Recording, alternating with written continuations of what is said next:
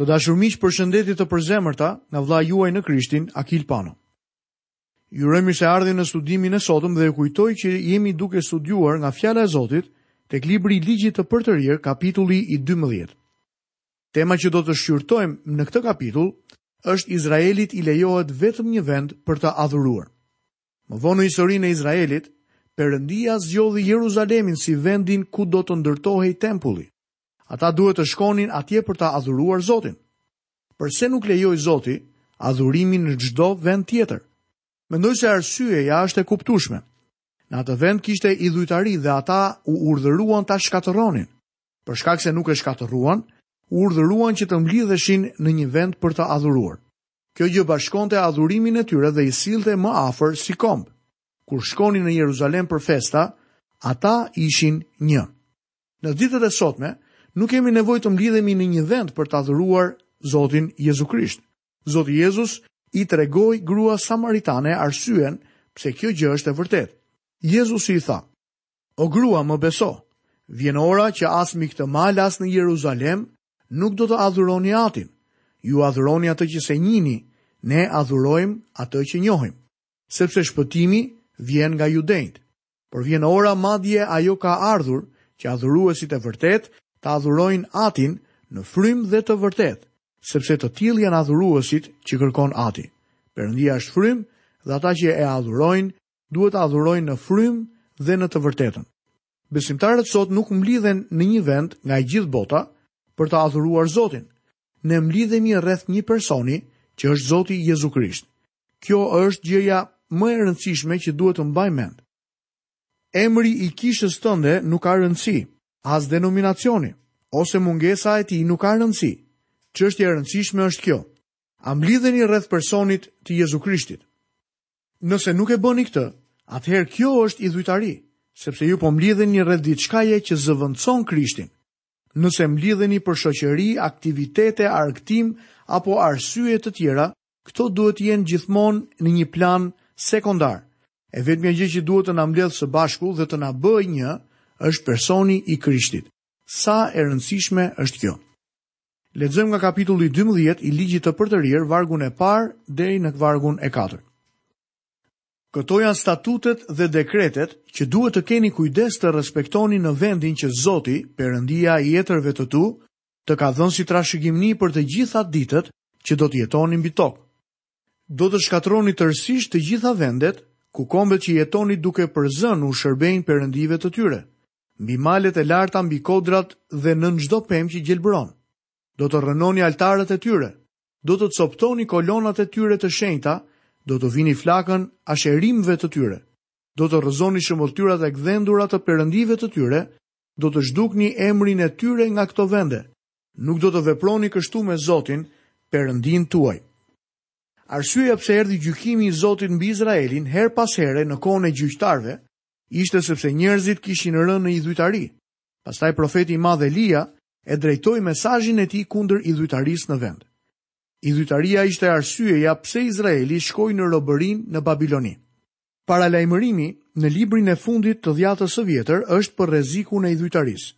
Ne nuk duhet të mendojmë se kemi fituar imunitet ndaj idhujtarisë në ditët e sotme. Ne priremi të mendojmë që jemi një popull kaq i shkolluar, saqë nuk do të përuleshim para një idhulli për ta adhuruar. A mund të jemi të sigurt për këtë? Çfarëdo lloj gjëje që vjen midis shpirtrave tanë dhe Perëndisë, bëhet idhull. Njoh një djalë të ri që e kam parë të rritej në kishë dhe të ishte një krishter i mirë. Më vonë u bë anëtar i një shoqërie të madhe aksionere. Për shkak se kishte aftësi të mrekullueshme, filloi të ecte përpara në atë organizatë. Sa më shumë shkallë ngjiste në atë shoqëri, aq më shumë shkallë zbriste në marrëdhënien me Zotin. Sot puna e tij është e para. Një ditë po predikoja në qytetin e tij të largët. Për hir të kohëve të shkuara më ftoi mua dhe gruan time për darkë. Ma tha shkoqur që nuk mund të vinte dot në asnjë nga takimet për shkak të punës së tij. Puna, pozita dhe progresi ishin bërë idhujt e tij, perëndia i tij. Le të flasim për adhurimin tani.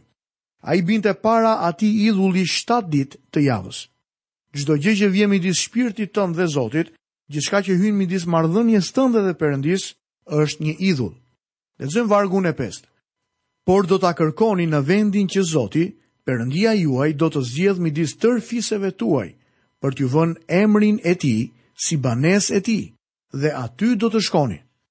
Përfundimisht Jeruzalem ishte vendi i modeluar për adhurimin. Por edhe para kësaj, Izraeli duhet të adhuronte vetëm në një vend. Ata duhet të kishin një vend për ofertat e tyre, sakrificat, të dhjetën dhe përkushtimet. E dhjeta e ushqimeve që sillnin përpara Zotit duhej ngrënë në këtë vend. Lexojmë vargjet 15 dhe 16. Por sa herë që të duash, mund të vrasësh kafshë dhe të hash mishin e tyre në të gjitha qytetet, sipas bekimit që të ka bërë Zoti. Atë mund ta hanë si i papastri ashtu dhe i pastri, siç bëhet me mishin e gazelës dhe të drerit, por nuk do ta hani gjakun e tyre, do ta derdhni mbi tokë siç derdhet uji. Ekzistonte gjithashtu ushqimi që hanin në shtëpi.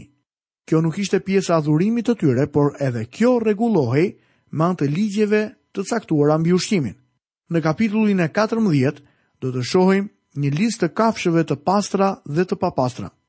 Që një person të hante në shtëpi, nuk ishte i nevojshëm pastrimi ceremonial. Përveç kafshëve të sakrificës, një person mund të hante edhe kafshë të tjera të egra nëse ato do të ishin të pastra. Kushti ishte që nuk duhej ngrënë gjaku. Në krahasim me këtë, çdo gjë që i ofrohej Zotit duhej ngrënë përpara tij në vendin e përcaktuar prej vetë Zotit. Lexojmë nga vargjet 21 deri 25. Në qoftë se vendi që Zoti Perëndia yt ka zgjedhur për të venduar emrin e tij do të jetë larg teje, mund të vrasësh kafshë nga bagëtia e trashë dhe e imët, ashtu siç të kam urdhëruar, dhe mund të hash brenda portave të tua sa herë të duash. Vetëm do ta hash ashtu siç hahet mishi i gazelës dhe i drerit. Do të mund ta hajë si i papastri, ashtu edhe i pastri. Por ruhu se ha gjakun, sepse gjaku është jeta dhe ti nuk do ta hash jetën bashkë me mishin. Nuk do ta hash, por do ta derdhësh për tokë, ashtu siç bëhet me ujin. Nuk do ta hash me qëllim që të përparosh ti dhe bijtë e tu sipas teje, sepse keni bërë një gjë që është e drejtë në sytë e Zotit. Tek Levitiku shtatëmbëdhjetë, ndërkohë që Izraeli ndodhej në kampin e shkretëtirës, çdo person që therte një ka, një qengj apo dhi, duhet ta çonte në hyrje të tabernakullit dhe prifti do të spërkaste gjakun mbi altar dhe do të tymoste dhjamin me erë shumë të këndshme për Zotin. Kjo u dha për t'i parandaluar nga ofertat që mund t'i bënin djallit. Pasi u vendosën në vend, shumë njerëz jetonin larg prej Jeruzalemit dhe nuk mund të vinin aty për të therur çdo kafshë përpara se ta hanin. Kështu që Zoti u thotë sërish që një kafshë mund të vritej për ushqim, por ata nuk duhet të hanin gjakun e saj. Gjaku përfaqësonte jetën. Kjo është arsyeja pse shkrimet e vënë theksin te gjaku i Jezu Krishtit. Lexojmë vargjet 29 deri në vargun 31. Kur Zoti Perëndia yt do të ketë shfarrosur përpara teje kombet që ti shkon për t'i shpronësuar dhe kur t'i kesh shpronësuar dhe të banosh në vendin e tyre, ruhu të mos biesh në kurthin e ngritur duke ndjekur shembullin e tyre, pasi ata janë shkatërruar para teje dhe të informohesh mbi perënditë e tyre duke thënë: Si u shërbenin këto kombe perëndive të tyre? Edhe unë do të veproj kështu. Ti nuk do të veprosh kështu me Zotin Perëndinë tënd, sepse ata me perënditë e tyre kanë bërë tërë ato gjëra të neveritshme për Zotin dhe që Ai i urren, kanë djegur madje në zjarr bijtë dhe bijat e tyre për nder të perëndive të tyre. Atyre u thuhet herë pas here që duhet të shkatërrojnë kombet në vend në mënyrë që të mos të zihen në grackë prej tyre. Këta kombe ishin idhujtar, adhuronin Baalin dhe shumë fe të tjera pagane, që kishin praktikat më mizore të sakrifikimit të fëmijëve të tyre. Ata do të nxehnin një idhull deri në ngjyrë të kuqe, pastaj do t'i hidhnin fëmijët e tyre në krahët e idhujve. Nuk më vjen në mend asgjë më e tmerrshme se kjo. Perëndia thotë se e urren një praktikë të tillë. Kjo është e neveritshme për të. Kam zbuluar se Perëndia urren shumë gjëra që i urrej edhe unë. Shpresoj të mësoj gjithnjë e më shumë të urrej çfarë urren Zoti dhe të dua çfarë do Ai. Lexojmë nga vargu i 32.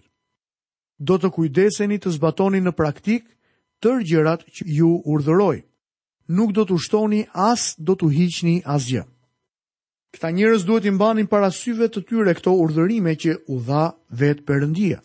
Nëse nuk do t'i bindeshin Zotit, Perëndia do t'i trajtonte njëlloj si kombet e tjera. Perëndia nuk shikon veprimet e disa njerëzve dhe shpërfill ato të disa të tjerëve. Nuk i kuptoj të krishterët që mendojnë se mund të kalojnë përmes disa gjërave që të tjerët nuk mund t'i kalojnë. Mëkati është mëkat. Nëse Izraeli nuk do t'i bindej Zotit, sigurisht që nuk do të kursehej. Inkurajimi për ta është të zbatojnë ato çfarë i ka urdhëruar Perëndia që ata duhet të bëjnë. Këtu kemi përfunduar dhe studimin tonë mbi kapitullin e 12 në librin e Ligjit të Përtërirë dhe tani do të fillojmë së bashku studimin tonë mbi kapitullin e 13 të këtij libri. Tema e këtij kapitulli është paralajmërime kundër profetëve të rremë dhe testi për ta. Ky kapitull është një kapitull i rëndësishëm sepse trajton profetët dhe perënditë e rreme. Kur të mbërrijmë te kapitulli tetëmbëdhjetë, do të shohim testin që identifikon profetët e rremë. Lexojmë pa u vonuar nga vargu i parë deri në vargun e katërt në kapitullin e trembëdhjetë të Ligjit të Përtërirë. Në rast se midis jush del një profet apo një ëndërrimtar dhe ju propozon një shenjë apo një mrekulli, Dhe shenja apo mrekullia për të cilën ju foli realizohet dhe thotë, le të shkojmë pas perëndive të tjera që ti nuk i ke njohur kurrë dhe le t'u shërbejmë. Ti nuk do të dëgjosh fjalët e këtij profeti apo të këtij ëndërrimtari, sepse Zoti, Perëndia juaj, ju vë në provë për të ditur nëse e doni Zotin, Perëndinë tuaj, me gjithë zemër dhe me gjithë shpirt. Do të shkoni pas Zotit, Perëndisë tuaj, Do të keni frikë nga ai, do të respektoni urdhërimet e tij, do t'i bindeni zërit të tij, do t'i shërbeni dhe do të jeni të lidhur ngushtë me të. Ky pasazh është me vend për ditët e sotme. Disa njerëz më pyesin se si e shpjegoj faktin se disa nga profetët e rremë sot janë pjesë e saktë e kohës. Apo më kërkojnë të shpjegoj se si ka mundësi që disa njerëz shërohen në disa takime. Nuk mund ta shpjegoj dot këtë.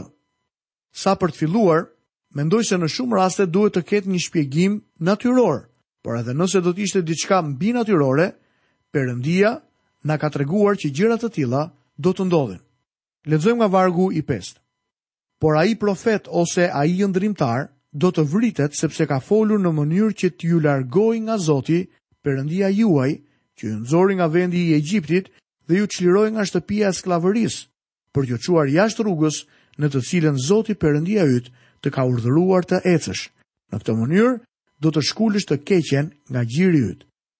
Vini re, një profet i rremë që përpiqej t'i tërhiqte njerëzit në ndonjë kult apo fe të rreme, do të vritej me gurë. A tingëllon kjo disi e çuditshme? A nuk tingëllon paksa brutale? Një profet i tillë është si kanceri. Edhe një kancer duhet shkulur sa më shpejt të jetë e mundur. Perëndia është mjeku i madh dhe këtu po na thotë se kanceri duhet shkulur nga mesi i njerëzve të tij. Kjo gjë zbulon mendjen e Zotit në lidhje me profetët e rremë që i drejtojnë njerëzit në perëndi apo fe të rreme. Lexojmë vargjet gjashtë deri në vargun e nëntë. Në rast se vëllai yt, bir i nënës tënde, biri yt ose bija jote, gruaja që prehet mbi gjirin tënd, apo shoku që e do si shpirtin tënd, të nxit fshehtasi duke thënë, shkojmë t'u shërbejmë perëndive, hyjnive të popujve që ju rrethojnë, që janë pranë apo larg teje, nga një skaj i tokës deri në skajin tjetër të tokës, mos iu nënshtro atij dhe mos e dëgjo. Syri yt nuk duhet të ketë mëshirë për të, mos e kurse, mos e fshih, por ti duhet ta vrasësh, dora jote të jetë e para që të ngrihet kundër tij për ta vrarë. Pastaj le të vijë dora e gjithë popullit. Kjo është ekstreme dhe radikale. Tingëllon si një gjë e huaj për shoqërinë e butë dhe të begatë në të cilën jetojmë. Të ishe njeriu i parë që do të hidhte gurin mbi vëllain tënd për ta ekzekutuar, ishte një çështje serioze. Kjo duket mjaft e ashpër, por në fund shpëtonte shumë jetë. A e dini çfarë ndodhi? Kur mbretëria e veriut u dha pas idhytarisë, Mijëra prej tyre u vranë dhe shumica e tyre që mbijetuan u morën si skllevër në kombin mizor të Asirisë. A nuk do të kishte qenë më mirë sikur të kishin qëlluar me gurë profetët e rremë që i futën në idhujtari sesa të ndodhte gjithë ajo masakër? Në kombin tonë shohim të njëjtën gjë. Ne kemi gjykatës shumë zemërbutë që nuk kanë aspak një të kaluar të krishterë. Ata nuk mendojnë për ligjet tona sipas kontekstit të krishterë, pra bindjen ndaj ligjit dhe dënim për mosbindjen. Gjykatësit tanë i lirojnë kriminelët në mënyrë që shoqëria të bjerë sërish pre e tyre. Pikërisht këtu në qytetin tim një kriminel i njohur sulmoi 7 gra në një natë. Disa u vranë, njëra u rrëmbye, ndërsa të tjerat u shtruan në spital me plagë të rënda. A nuk do të kishte qenë diçka e zgjuar që krimineli të ishte dënuar më parë me vdekje, Në vend që të ishin vrarë kaq shumë njerëz të pafajshëm. Rruga e Zotit është që ai të shpëtojë njerëz dhe të mbrojë një mori prej tyre. Kam frikë se jemi bërë aq dritshkurtër sa dënimi me vdekje tingëllon mjaft i rëndë për ne kur e dëgjojmë. Lexojmë vargun e 10. Ti do ta vrasësh me gurë dhe ai do të vdesë, sepse ka kërkuar të të largojë nga Zoti, Perëndia yt, që të nxori nga Egjipti, nga shtëpia e skllavërisë. Shohim që në Dhjatën e Vjetër, Perëndia kërkon dënimin me vdekje. Sot ne mendojmë që dënimi me vdekje nuk është shenjë qytetërimi. Ndoshta njerëzit që mendojnë kështu do ta quanin edhe Zotin të paqytetëruar. Do të doja t'i pyesja se ku e morën atë pak qytetërim dhe atë pak kulturë që kanë. E gjitha erdhi nga fjala e Zotit. Ne sot gjendemi disi të larguar nga fjala e Zotit dhe njerëzit mendojnë se po qytetërohen gjithnjë e më shumë. Është më e rrezikshme të ecësh në rrugët e qyteteve të Shqipërisë sesa në shtigjet e xhunglës së Afrikës. Pse? Sepse mendojmë që dënimi me vdekje është i paqytetëruar, kështu që e kemi shfuqizuar fare. Disa kohë më parë, kur po ecja në një nga shtigjet e xhunglës në rajonin malor të Venezuelës, po ndihesha më i sigurt se në rrugët e qytetit tim, edhe pse të tjerët thoshnin se mund të kishte gjarpëri vërdallë. Kam vënë re që atje nuk i mbyll dyert askush, por të gjithë e dimë që askush nuk mund të dalë nga shtëpia dhe ta lërë derën pa mbyllur me çelës. Lexojmë vargun e 11.